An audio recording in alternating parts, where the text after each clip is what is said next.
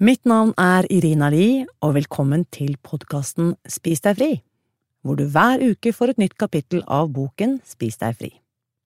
Hvis du vil høre hele boken med en gang, finner du den overalt hvor lydbøker selges, eller på nettsiden spisdegfri.no.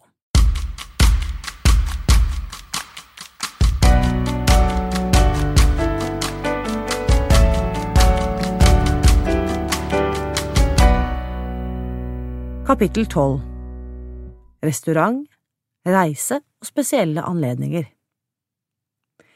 Bright Line-livet er i utgangspunktet så tilpasningsvennlig og fleksibelt at du kan fortsette med det for resten av livet, i det daglige liv med minimalt av forsakelse. Personlig er jeg et veldig sosialt vesen.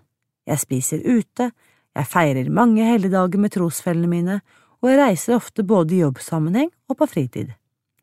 Likevel holder jeg fast på mine bright lines, de fire klare grensene. Det er mulig å få med seg alt, men det krever litt ekstra av forberedelser og planlegging. I dette kapitlet skal vi snakke om et bright line-liv utenfor hjemmet. Restaurant For å være ærlig anbefaler jeg at du unngår å spise ute de første 30 dagene, om du kan. Det er til stor hjelp å etablere vanlig bright line eating før du begir deg ut på en restaurant. Å spise ute er absolutt mulig, men det vil alltid være litt vanskeligere å navigere enn i et måltid hjemme, først og fremst fordi du ikke har med deg kjøkkenvekten på restaurant, og da må du bestemme mengdene på øyemål. Å gjøre det samvittighetsfullt uten å benytte anledningen til å overspise kan være en utfordring for mange.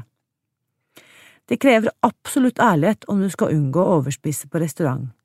Hvis du får i deg et for stort og for fettholdig måltid flere ganger i uken, vil du forbli overvektig og til slutt føle deg miserabel.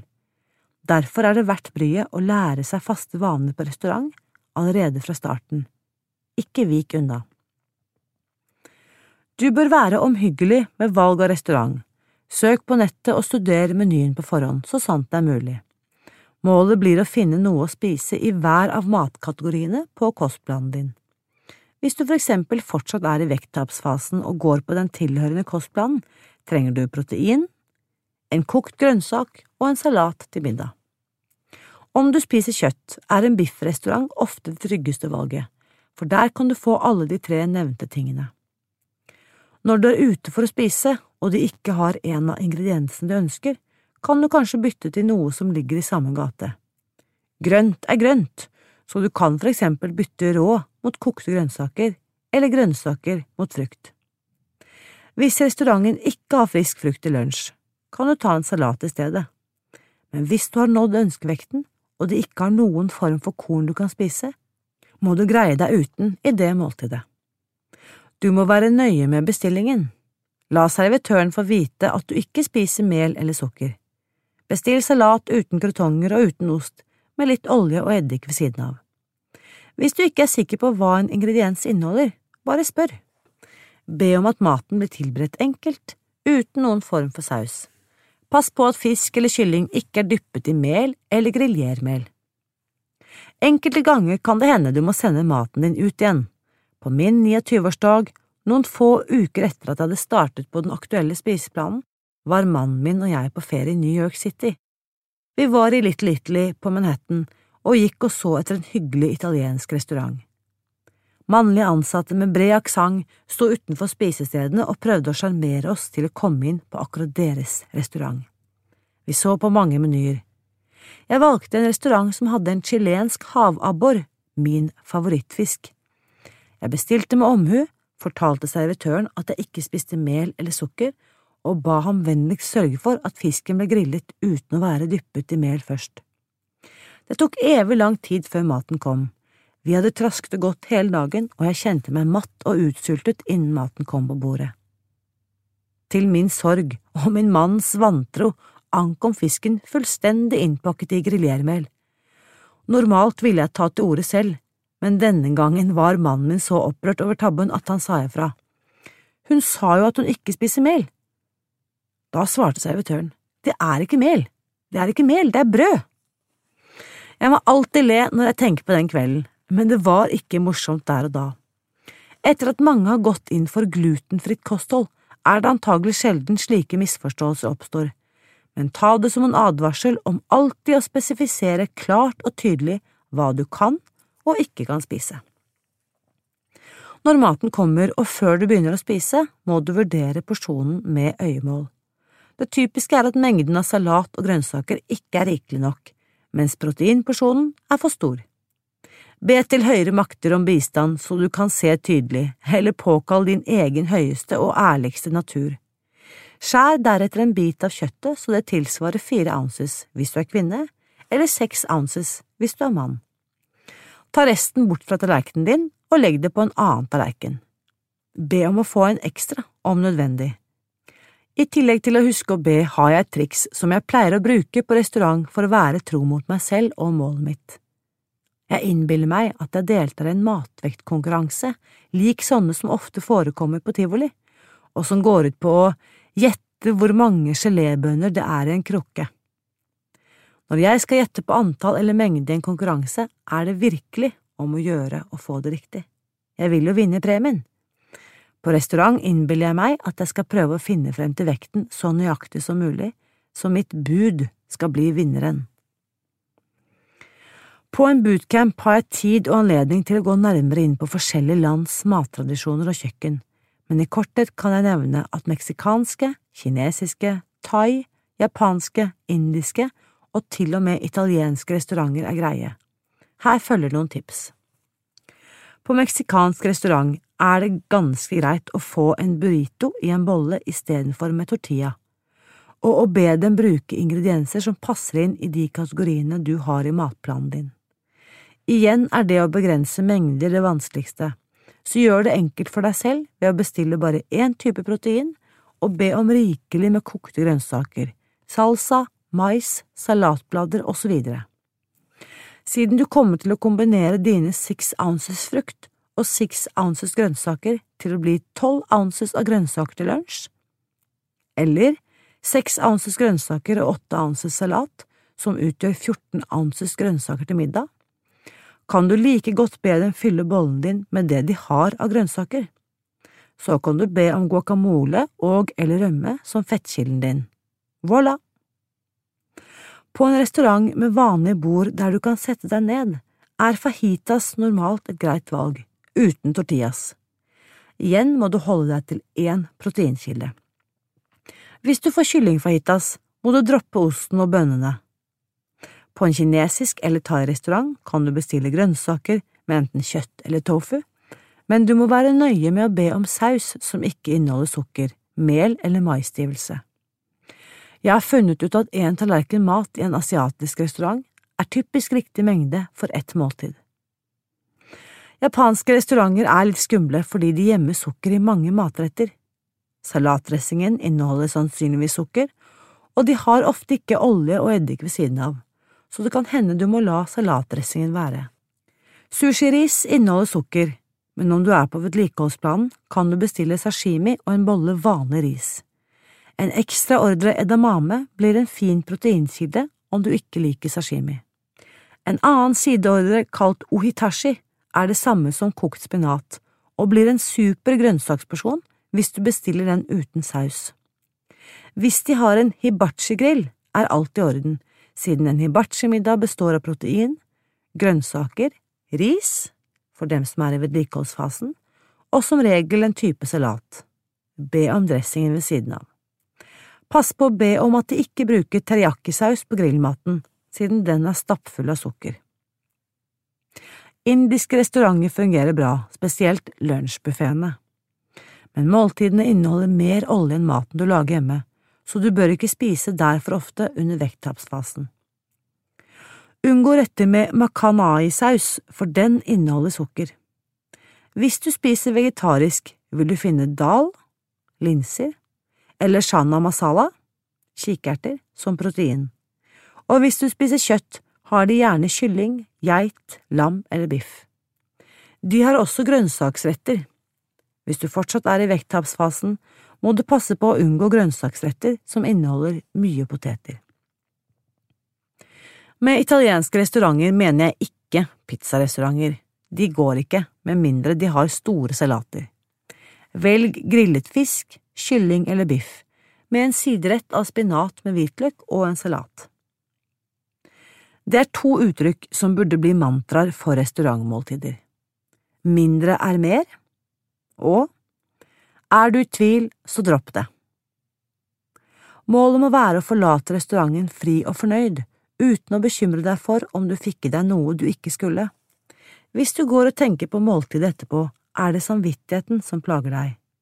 Skriv om det i dagboken din, eller snakk om det i mastermind-gruppen eller med buddyen din, og tenk på hva du skal gjøre annerledes neste gang. Lag en plan for uforutsette hendelser i fremtiden ved å notere at neste gang, da skal jeg, som for eksempel Neste gang jeg bestiller fajitas, skal jeg be om en ekstra tallerken og legge det glovarme kjøttet og grønnsakene over på den, så jeg ikke blir fristet til å skrape opp all den fete sausen med skje. Reise Hvis det er én hovedregel når du er på reise med Brightline Eating, må det være forhåndsplanlegging. Planlegg, planlegg, planlegg. Det finnes et uttrykk for det. Hvis du mislykkes med planleggingen, planlegger du å mislykkes. Det er sant. Det motsatte er også sant. Med litt tankevirksomhet på forhånd kan en reise foregå helt greit og bli virkelig vellykket. Her er noen av måtene jeg tar mine forholdsregler på når jeg er på Brightline Eating. Ringe i forveien Hvis jeg skal bo på hotell, ringer jeg i forveien for å finne ut om jeg kan få et rom med mikrobølgeovn og kjøleskap. Hvis ikke er det greit, men det påvirker valget av mat som jeg skal ta med. Hvis du skal på en konferanse eller en gruppereise, ring på forhånd og finn ut hva slags mat de serverer til måltidene. Er lunsjene kun en eske med smørbrød? Det er det ikke så mye hjelp i. Hvis det er buffé med en salatbar med alle sorter grønnsaker og bønner, kan du enkelt lage ditt eget Bright Line-måltid. Med et par telefoner til cateringfirmaer og eventarrangører kan du finne ut om du trenger å ta med din egen mat, og hvor mye du må planlegge for. Ofte vil de tilby å lage et spesielt måltid til deg. Når du har tatt den telefonen, kan du slappe av. Hvor du skal bo Hvis jeg har kontroll på overnattingsstedet, foretrekker jeg å bo på et sted der jeg har tilgang til kjøkken. Airbnb har endret på hele systemet til fordel for Bright Line Eating-medlemmer. De fleste hoteller for langtidsopphold har minikjøkken. Eller du kan bo hos venner og familie og dermed ha tilgang til deres kjøkken. Det lar seg gjøre å bo på hotell, men tilgang til et kjøkken er best. Frokost på farten Når jeg er på reise, pakker jeg stort sett min egen frokost. Jeg synes det er enklere å starte dagen med et måltid jeg ikke trenger å tenke på. Den energien sparer jeg til lunsj og middag ute. Jeg tar alltid med meg den digitale kjøkkenvekten min når jeg reiser. Dessuten tar jeg med meg forhåndsveide ingredienser hjemmefra.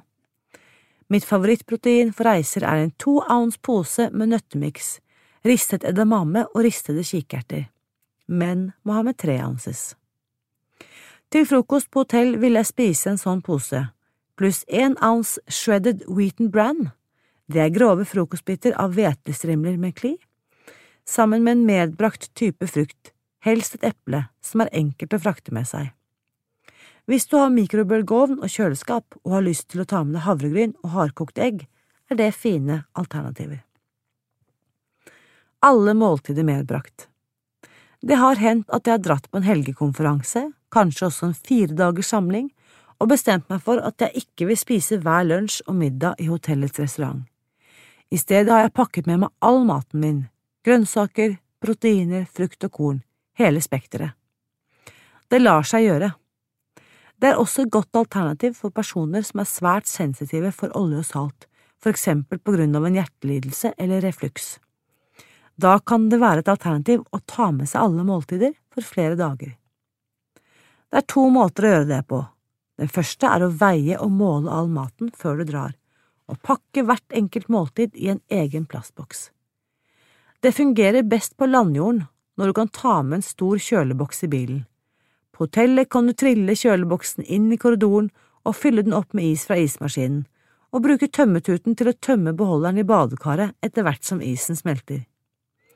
Når du flyr, tar du med maten i originalemballasjen, ikke veid og målt i utgangspunktet, sammen med den digitale kjøkkenvekten og noen reisebokser, så kan du veie når du kommer frem.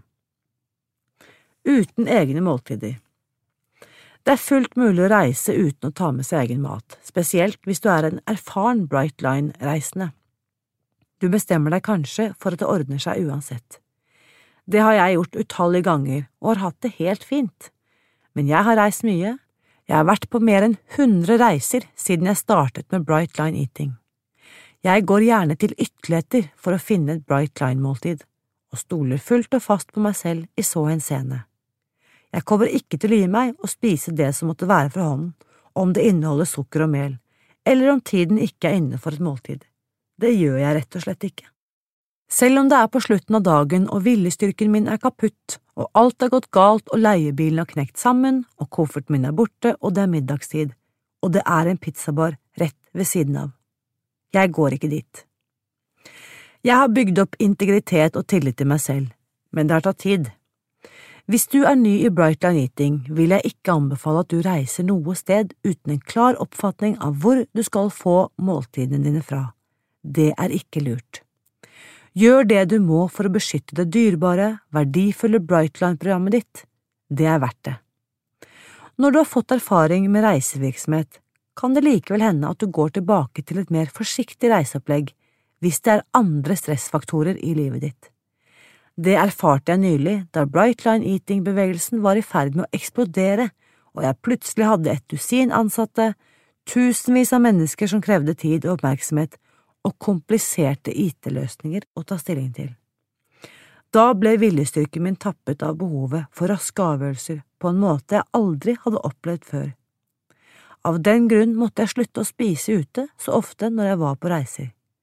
Jeg måtte gå tilbake til utgangspunktet, ringe på forhånd og forsikre meg om hva slags mat som ville bli servert, og ta alle forholdsregler for å være sikker på at jeg ville få null valgmuligheter under reisen. Jeg måtte også begynne å ta med meg kjøkkenvekten på restauranter, til og med hjembyen min. Det føltes kanskje rart i begynnelsen, men jeg kan forsikre deg om at ingen bryr seg. Det er verdt bryet for å ta brodden av den fremtidige situasjonen da viljestyrken din kanskje svinner hen, der og da. Planlegg på forhånd.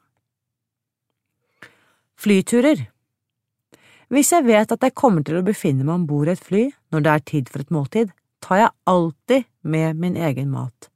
Jeg stoler rett og slett ikke på at jeg klarer å få et Bright Line-måltid på et fly. Sikkerhetsrutinene tillater at du tar med deg maten om bord i et fly, men hvis du skal gjennom tollkontroll ved ankomst, kan det være et problem å ta med mat ut av flyet. Til visse land er det ikke tillatt å ta med fersk frukt og grønnsaksprodukter. Sjekk før du reiser.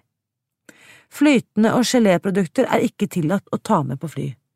Derfor kan du ikke ta med yoghurt. Salatdressingen må du blande inn i maten på forhånd.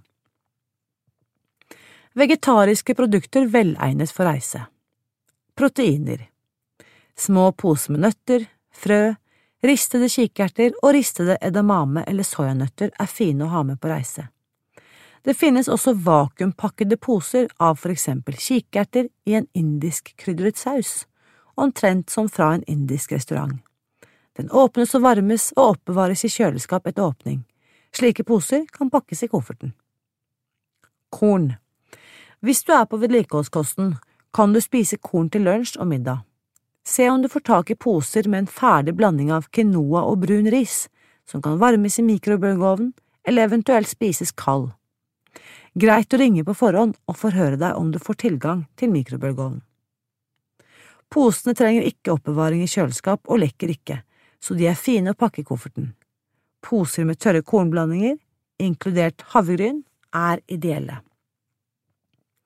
Grønnsaker De er ofte tunge og plasskrevende, men poser med babygulrøtter eller sukkererter er fine å ta med. Du kan også skjære opp små buketter av brokkoli eller andre grønnsaker som kan spises som fingermat og oppbevares i småposer. Fett en halv ounce av nøtter eller frø er den enkleste fettrasjonen på reise. Kjøtt og meieriprodukter egnet for reise Du tenker kanskje ikke på at kjøtt og meieriprodukter kan være bra å ha med på reise, men det finnes noen. Det klassiske eksempelet er hardkokte egg. De holder lenge, selv uten kjøling. Du kan raskt koke et dusin, og det utgjør seks enkle proteinporsjoner hvis du er kvinne, eller fire proteinporsjoner hvis du er mann. Bare tørk av dem, legg dem i en pose og pakk dem i kofferten eller håndbagasjen. Et annet veldig bra alternativ er ost, spesielt strimlet ost. I USA kommer gjerne disse i pakninger på nøyaktig én ounce. Pakk ned to hvis du er kvinne, tre hvis du er mann. Da har du en hendig proteinkilde som er fin å ha med på reise, og som ikke trenger kjøling. Tunfisk i porsjonspakninger fungerer også fint hvis du får tak i det. Maten holder seg. Like etter at jeg hadde begynt på Bright Line Eating, flyttet jeg til Sydney i Australia. I løpet av de to årene jeg bodde der, lærte jeg noe viktig når det gjelder reiser. Mat blir ikke bedervet på langt nær så raskt som vi er blitt opplært til å tro. Jeg reiste frem og tilbake til USA fire ganger, og rundt jorden én gang, og hadde med meg ferdigpakket mat på alle flyvningene. En gang var jeg på sammenhengende reise fra USA til Sydney i halvannet døgn på grunn av en 13 timers forsinkelse i Tokyo, og endte med å spise medbrakt laks 41 timer etter at jeg hadde kokt den, uten is, uten kjølebag, uten tilgang til kjøleskap. Den var helt fin. Mat blir ikke ødelagt så raskt som vi tror. Det er ikke noen ansvarsfraskrivelse her, jeg overlater saken til din sunne fornuft. Å krysse tidssoner Det andre jeg lærte på reise fra Sydney til USA og tilbake igjen, er å fordele måltider tidsmessig når en reiser internasjonalt. Hjemme kan vanlige tidspunkter for måltider være frokost klokka sju, lunsj klokka tolv og middag klokka seks. Grunnprinsippet er at du spiser hver femte til sjette time, men så spiser du ikke i løpet av natten, vanligvis rundt 13 timer. Første gangen jeg reiste den lange veien, fordelte jeg måltidene så godt jeg kunne, med frokost, lunsj og middag med fire til seks timers mellomrom, og deretter et langt opphold før neste frokost. Det gikk ikke så bra. Jeg sov ikke så mye som åtte timer i løpet av det lange tidsrommet, så det var utrolig plagsomt å vente så lenge på å få spise. Det jeg lærte var at når du reiser, må du la hele flytiden telle som våkentid. Å reise over flere tidssoner er utmattende. Derfor innstiller jeg meg aldri på å klare meg i åtte, ti eller 13 timer uten et måltid når jeg reiser med fly. Jeg har tenkt ut et system for å planlegge hvor mange måltider du bør spise dersom du reiser over flere tidssoner. Da snakker jeg ikke om å reise på tvers av USA, det er bare tre tidssoner. I så fall er det enkelt å spise bare tre måltider i løpet av en dag, med litt lengre mellomrom i den ene retningen, litt mindre mellomrom i den andre. Når du derimot krysser seks tidssoner, eller ti eller 16, blir det særdeles viktig å planlegge fordelingen av måltidene, for da gjelder ikke begrepene frokost, lunsj og middag lenger. Natt og dag blir snudd på hodet. Det første du må finne ut, er hva det siste måltidet ditt kommer til å bli i den tidssonen du reiser fra. Vi kan kalle dette måltidet for ankermåltidet. Hvis du for eksempel reiser hjemmefra og flyet går klokken 20, vil ankermåltidet ditt være middag. Du kommer til å spise middagen din til vanlig middagstid et par timer før flyavgangen. Neste ankermåltid avhenger av når du regner med å lande. La oss anta at du kommer til å lande klokken 14 lokal tid. Da trenger du påfyll av energi ved å spise lunsj før landing, siden det vil ta tid å gå gjennom tollen, finne frem til reisemålet og finne deg til rette på stedet der du skal bo. Så sørger du for å få i deg middag i den nye tidssonen du befinner deg i. På den måten har du nå sikret deg et ankermåltid ved avreise og et ankermåltid ved ankomst. Tell opp alle timene imellom og del på seks. Du trenger å spise hver sjette time når du flyr. Om du må presse tidsintervallene ned til fem timer for å få regnestykket til å gå opp, eller til og med fire timer, gjør du det, men sørg i hvert fall for at du spiser et måltid hver fjerde til sjette time mens du er i luften ta med deg programmet. Jeg vil gjerne minne deg på noe som er veldig viktig. Det er at når du reiser, bør du planlegge å ta med deg hele programmet, i tillegg til en del av maten din. Brightline Eating-konseptet er transportabelt, og det siste du ønsker er å legge igjen alt det som støtter og strukturerer opplegget ditt hjemme. Å reise til et nytt sted uten verktøyene og hele det systemet som sørger for å holde deg lykkelig, slank og fri. For eksempel er meditasjonsbenken min det første jeg putter i kofferten. Jeg tar også alltid med meg smarttelefonen, for der har jeg kveldens sjekkliste. Matdagboken, takknemlighetsdagboken, handlingsplanen for nødsituasjoner, telefonnumrene til buddiene og mastermind-gruppen min, og tilgang til den nettbaserte støttegruppen. Vi lever i en avansert digital verden, der alle verktøyene du trenger for å holde deg sterk og trygg, er tilgjengelige hvor du enn befinner deg. Jeg har lært på smertefullt vis at det noen ganger er viktigere for meg å benytte Bright Line Eating-verktøyene når jeg er på reise, enn når jeg er hjemme. Reiser er slitsomme, og det skjer ofte mye på en dag hjemmefra, så hvis jeg ikke passer på å ta vare på meg selv, mentalt, følelsesmessig og åndelig, kommer viljestyrken min til å bli tynnslitt. Da kommer jeg til å føle meg stresset i stedet for avslappet. Så jeg tar med kjøkkenvekten min, jeg tar med støtteverktøyene, og jeg gjennomfører denne livsstilen uansett hvor jeg er i verden. Den følger med meg. Ferier For mange som begynner på Bright Line Eating, virker feriene truende, nesten skremmende. Men la oss være realistiske et øyeblikk. Påsken er bare en uke som er litt lengre enn andre uker. Du klarer deg fint gjennom andre uker ved å holde deg til dine bright lines, de klare grensene. Du trenger bare å planlegge på forhånd og skaffe deg god støtte. Alle i Bright Line Eating støttegruppen din kommer til å stå foran den samme utfordringen som du, på samme tid. Vi har deg i kikkerten. Spis lam som protein, men dropp sausen, og pass på at det er rikelig med enkle, rene grønnsaker. Du kan alltid ta med deg din egen rett om du spiser hos andre. Most eller ristet flaskegresskar er alltid smakfullt. Prøv å lage en deilig salat som inneholder litt fersk ananas, avhengig av om det er lunsj eller middag. Hvis du er på vedlikeholdsmenyen og får spise korn med måltidet, kan du veie opp en porsjon potetmos eller villris. Hvis du synes det er brysomt å ta med kjøkkenvekten din hjem til andre, kan du gjøre som ved restaurantmåltider og bruke øyemål i stedet. Hvis du er hos familie og de kjenner til Brightline Eating-programmet ditt, tar du med vekten og bruker den. Det vil gi deg større handlefrihet. I realiteten kan påskedagsmåltidet passe fint for Brightline Eating. Det blir nesten alltid servert mat du kan spise. Trikset er snarere tidspunktet for måltidet. Med mindre du kjenner deg komfortabel ved å spise lunsj eller middag klokken tre, kan det hende du kan få snakke med vertinnen på forhånd og se om det er mulig å gjøre klar måltidet enten klokken ett eller klokken fem, tidspunkter som passer bedre for lunsj eller middag. Hvis du tenker at Nei, vet du hva, det kan jeg ikke gjøre, ikke til påske.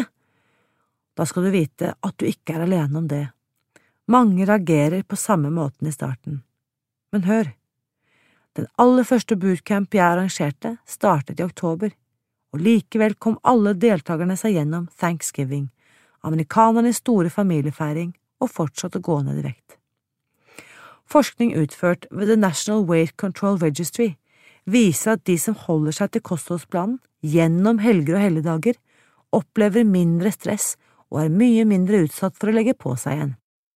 Hvis du ønsker å bli slank og holde deg slank videre fremover, er det smart å holde deg til dine bright lines selv ved spesielle anledninger.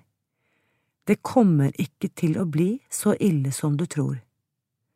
Så snart du har kommet deg gjennom din første helligdagsfeiring på den faste kostholdsplanen, kommer du til å føle deg i toppform mens alle rundt deg kan komme til å føle seg utslått fordi de har spist for mye. Kan hende de stønner og bærer seg eller ligger slått ut på sofaen, mens du er i fullt slag. Kanskje du bestemmer deg for å gå en rask spasertur eller hjelpe til med oppvasken. Én ting må jeg advare mot, basert på min egen erfaring og hundrevis av andres erfaring fra bootcamp-samlingene. Ofte kan en matavhengig person komme seg trygt gjennom en helligdagsfeiring, en ferie eller en annen begivenhet, men ender med å overspise når de vel er hjemme igjen, som en form for belønning. Det kalles re-entry, tilbakekomst, og er et reelt fenomen. Tiden etter en reise, et selskap eller en helligdagsfeiring er da du er mest utsatt om å holde deg maksimalt årvåken for ikke å sprekke. Spesielle anledninger Brylluper, bursdager og andre spesielle anledninger er mye enklere å navigere seg gjennom med Bright Line Eating som guide. Du vet allerede hva du skal spise. Du skal spise det som står i matplanen din. Nøkkelen er å finne frem til det du trenger. Første tommelfingerregel er å holde orden på tidspunktene for måltidene. Bryllupsfesten begynner for eksempel klokken 19, og du kan regne med at middagen ikke blir servert før klokken 21. Og det er rett og slett for sent. Da er det bedre at du spiser middag før du går i selskapet. Hvis noen spør deg hvorfor du ikke spiser, er det nok å svare ganske enkelt Åh, jeg er aldri sulten så sent på kvelden. Hvis det er et bursdagsselskap klokken 15, la være å spise noe der, og sørg for at du kommer deg hjem i tide til middag, men ha en forhåndstilberedt middag i bilen i tilfelle det ender med at du blir der lenger enn planlagt. Hvis anledningen innebærer et måltid som finner sted på et normalt tidspunkt for deg, bør du absolutt planlegge å spise der. Ring på forhånd til den som står for måltidet, og forhør deg grundig om hva som står på menyen. Hvis det er et bryllup, få navnet på cateringfirmaet og ring dit. Slike firmaer har ikke noe problem med å tilpasse maten til gjester med spesielle behov, det er jobben deres. Nå for tiden er nesten alle på en spesiell diett, cøliakere, paleotilhengere, diabetikere osv. Tro meg, de er vant til å håndtere slikt. Bare snakk med dem om hva som er på menyen, og be om det du trenger. Ved selve anledningen bør du minne deg selv på å fokusere på menneskene, ikke maten. Lag en liten lek for deg selv. Se om du kan gjøre tre nye bekjentskaper, husk navnene deres, og lær to interessante ting om hver av dem. Test deg selv på hjemveien, du vil bli overrasket over hvor mye den ekstra menneskelige kontakten bidrar til å øke gleden ved kvelden. Jeg oppfordrer deg også til å fokusere på det du kommer til å glede deg til ved den spesielle anledningen, nå da du har begynt på Bright Line Eating-reisen din. Er det å ta på deg en kjole du ikke har kunnet bruke på lang tid? Danse uten å kjenne deg flau? Føle deg tryggere på deg selv i møte med nye mennesker? Veldig mange av medlemmene på programmet vårt sier at de spesielt nyter helligdager og spesielle anledninger, fordi de nå har noe viktig å feire – det nye livet de har fått. Historier fra virkeligheten Marianne Helene Tangen Hammerød, 50 år, fra Molde, uføretrygdet. Mat var et gjennomgående tema i oppveksten min, jeg var veldig tynn. Det ble min identitet Helt fra jeg var liten kjente jeg ikke sult. Du må spise mer, fikk jeg stadig høre fra de rundt meg. Som barn var jeg redd og usikker. Den tynne kroppen ble min identitet. All den energien jeg brukte på å distansere meg fra sultfølelsen, overførte jeg til suget etter godteri, godis. På ungdomsskolen ble vekten min nok en gang et tema. Jeg var 172 cm høy og veide knappe 45 kilo. Selv var jeg fornøyd, jeg var totalt uinteressert i mat og skjønte ikke vitsen med denne maten som alle maste om. Mat som næring var helt fremmed for meg. Ingen tok heller på seg ansvaret for å gi meg denne livsviktige informasjonen.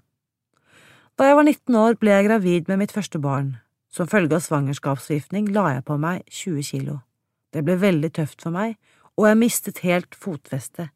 Jeg, Marianne Helene, var ikke lenger tynn. Alt ble snudd på hodet. Til tross for at de ekstra kiloene forsvant fort igjen, hadde vektøkningen rokket ved min identitet. Som tobarnsmor i starten av 20-årene veide jeg 48 kilo. Jeg var meg selv igjen og var fornøyd, enten det var slik at jeg hadde anoreksia eller ikke. Resten av 20-årene ble en tøff tid for meg. Jeg gikk gjennom ytterligere to svangerskap og fikk diagnosen lavt stoffskifte. Da begynte jeg med antidepressiva lykkepiller som aldri gjorde meg lykkelig. Samtidig fikk jeg andre diagnoser som har preget mitt forhold til vekt og kropp, som fibromyalgi, kronisk tretthetssyndrom og hudutslett. Livet mitt levde jeg fra soverommet, sengen ble fortet mitt, der raste kiloene på. Jeg ga opp kontrollen på vekten da den viste 112 kilo. Vekten vant. På et tidspunkt vurderte jeg meg selv i speilet og undret meg over hvem det var jeg så. Marianne Helene, du er der inne en plass, men hvor? Min søken etter en løsning på vektproblemet skulle bli lang og slitsom. Første stopp på ferden var en grusom pulverdiett basert på et pulver som skulle shakes. Det fungerte ikke. Grete Rode ble neste stopp. Her ble det mange forsøk, men heller ikke det ble en endelig løsning. Min jakt på den tynne kroppen, på bedre helse og ikke minst bedre syke fortsatte. Jeg prøvde slanketabletter og en kostholdsplan laget av en ernæringsfysiolog. Jeg fulgte et kurs i regi av Molde sykehus, og på et tidspunkt la jeg meg inn på en helseinstitusjon for overvektige. Men de få kiloene jeg klarte å gå ned, var tilbake igjen ved neste innpust.